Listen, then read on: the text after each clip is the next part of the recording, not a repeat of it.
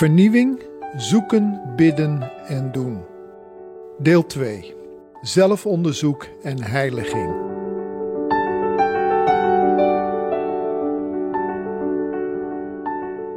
In deel 1 heb ik opgeroepen om het appel van Paulus tot zelfonderzoek serieus te nemen.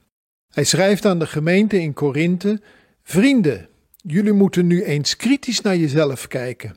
Stel jezelf deze vraag: Leef ik echt als een gelovige? 2 Korintiërs 13, vers 5 uit de Bijbel in gewone taal. In deze tijd van toenemende radicalisering en polarisatie is het zo gemakkelijk om de schuld van de problemen bij anderen te leggen. En ook om oplossingen van anderen te verwachten. Maar dit is niet de weg die Jezus ons leert. We zullen eerst ons eigen hart moeten onderzoeken. In het eerste deel eindigde ik met de opmerking dat de weg van zelfonderzoek past bij een heiligingskerk. Ik wil dit nu in dit tweede deel verder uitleggen wat ik daarmee bedoel. En ik wil dat doen aan de hand van een kenmerkend element van de diensten in de kerk van de Nazarener, het open altaar. We beginnen met de ontstaansgeschiedenis van dit gebruik. De prediking van Wesley en de vroege methodisten in de 17e en de 18e eeuw kenmerkte zich door een sterk appel om te reageren op de boodschap van het evangelie.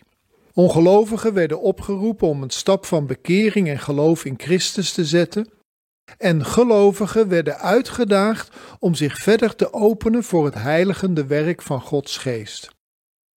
In die tijd was het niet gebruikelijk om een preek af te sluiten met een oproep om naar voren te komen, zoals we dat nu kennen van allerlei evangelisatiebijeenkomsten. Dit gebruik ontstond pas rond 1800 toen het methodisme voet aan de grond kreeg in Amerika. Toen plaatste men voor in de kerk een bank van ruw hout zonder leuning en na de preek werden de mensen gevraagd naar voren te komen om aan die bank te knielen voor gebed.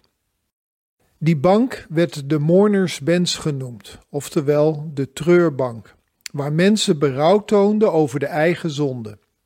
Een andere naam was de anxious seat, oftewel de stoel van verontrusting, omdat mensen verontrust waren over het eigen geestelijk leven en een nieuwe aanraking van de geest zochten. Pas later is die bank het altaar genoemd. De oproep aan de mensen was niet alleen bedoeld om naar voren te komen en zelf te bidden, er waren ook helpers die dan met deze mensen baden, de zogenaamde altar workers.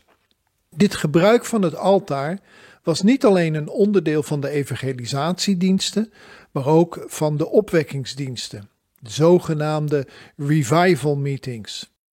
In zo'n opwekkingsdienst werden de christenen aangespoord zichzelf te onderzoeken en een toewijding aan Christus te verdiepen in een volkomen overgave aan Hem en een ontvankelijkheid om geheel en al gevuld te worden met de Heilige Geest. De Methodisten hadden ook het gebruik om in de zomermaanden campmeetings te houden. Christenen uit allerlei gemeentes kwamen dan voor een aantal dagen samen op een kampeerterrein in de natuur en hielden elke dag meer dan één dienst waarin ze uitgedaagd werden hun toewijding aan Christus te vernieuwen en te verdiepen door te reageren op de verkondiging en voor zich te laten bidden aan het altaar. Dit middel van een oproep na de preek en mensen de gelegenheid geven voor zich te laten bidden, was een belangrijk ingrediënt in de opwekking die in Amerika in de 19e eeuw ontstond.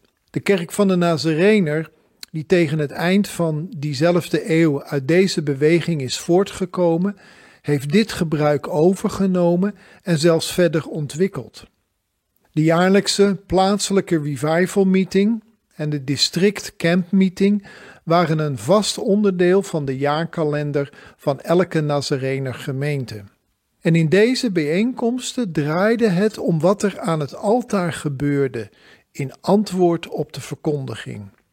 Het altaar was de plek waar de hemel de aarde raakte, waar mensen getroffen werden door Gods genade, liefde en vergeving, geconfronteerd werden met hun eigen zonde en het heiligende werk van Gods geest ervaarden.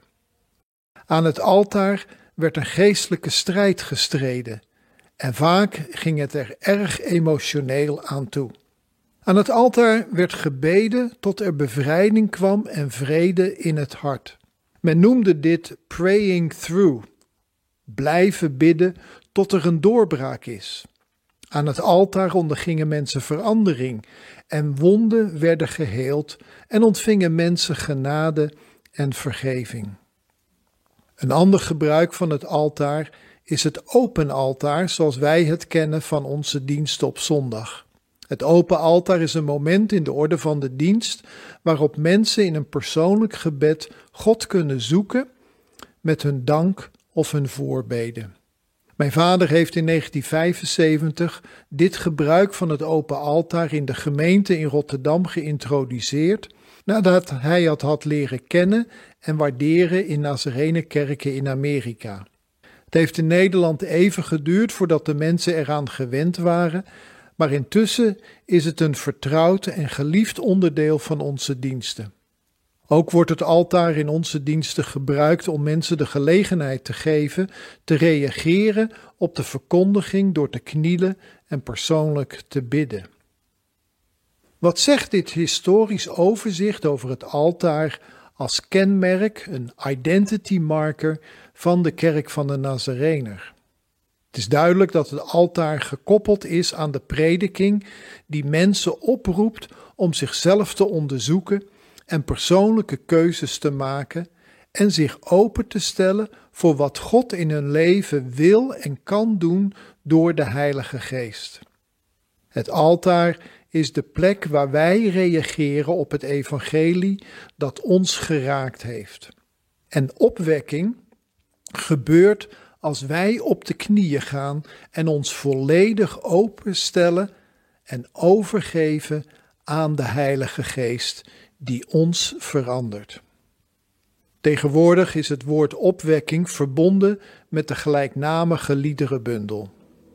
Deze liederen zijn veelal lofprijs- en aanbiddingsliederen en leggen een ander accent dan de opwekkingsliederen uit de 19e eeuw.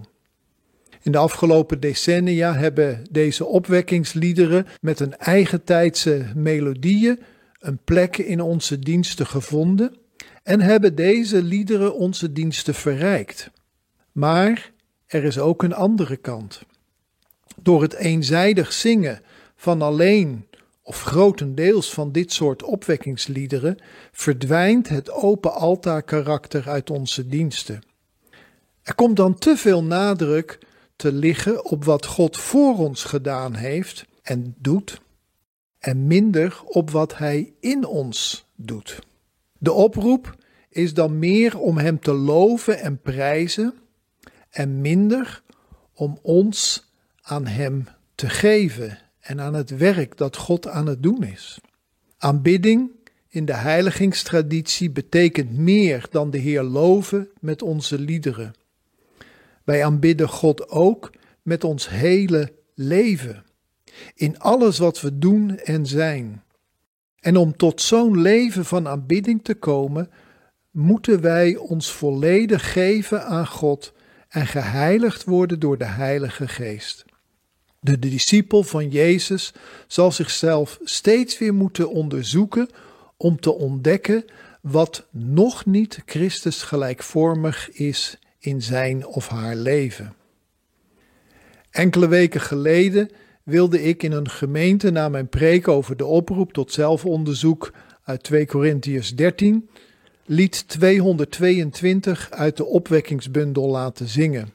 Doorgrond mijn hart en ken mijn weg, o Heer. Omdat het niet zo bekend is bij jongeren, had ik aangegeven dat het ook een ander lied mocht zijn met een soortgelijke strekking. Het werd een ander lied. De zangleider e-mailde me over de wijziging en schreef dat het hem was opgevallen dat er weinig soortgelijke liederen in de opwekkingsbundel te vinden zijn. Ik geef toe dat veel van de melodieën van de altaar- en heiligingsliederen uit de 19e eeuw niet meer van deze tijd zijn. Maar door eenzijdig mee te gaan in de huidige aanbod van de lofprijs- en aanbiddingsliederen, verdwijnt de balans in onze diensten en de balans in wat wij zingen en verwaarlozen we zo onze eigen heiligingstraditie. Ik benoem dit omdat de woorden van de liederen die we regelmatig zingen ons denken net zozeer of misschien nog wel meer beïnvloeden dan de preken. We zullen dus net zo kritisch moeten zijn op de inhoud van de woorden van de liederen als van de preek. Misschien moeten we zelfs de zangleiders die de liederen uitkiezen vertrouwd maken met onze theologische traditie. En misschien moeten we evenzeer het gesprek aangaan over de liederen die we zingen als het gesprek over de preek.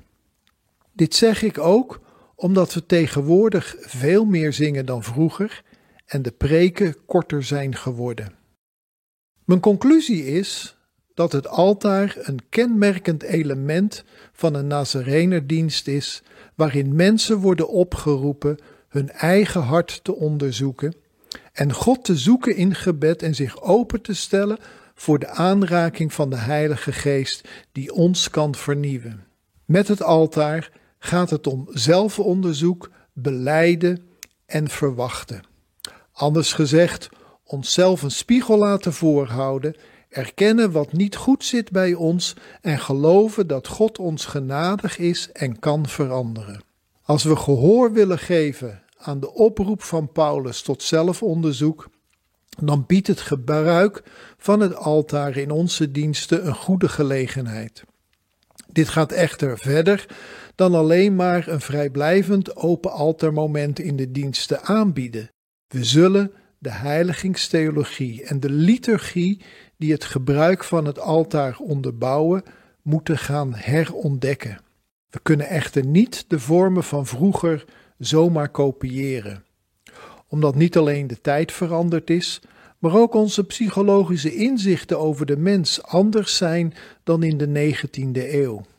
We zullen met elkaar een 21ste eeuwse invulling van onze altaartraditie moeten ontwikkelen, zodat de diensten bijdragen tot zelfonderzoek, beleiden en geloof dat God vernieuwing kan brengen.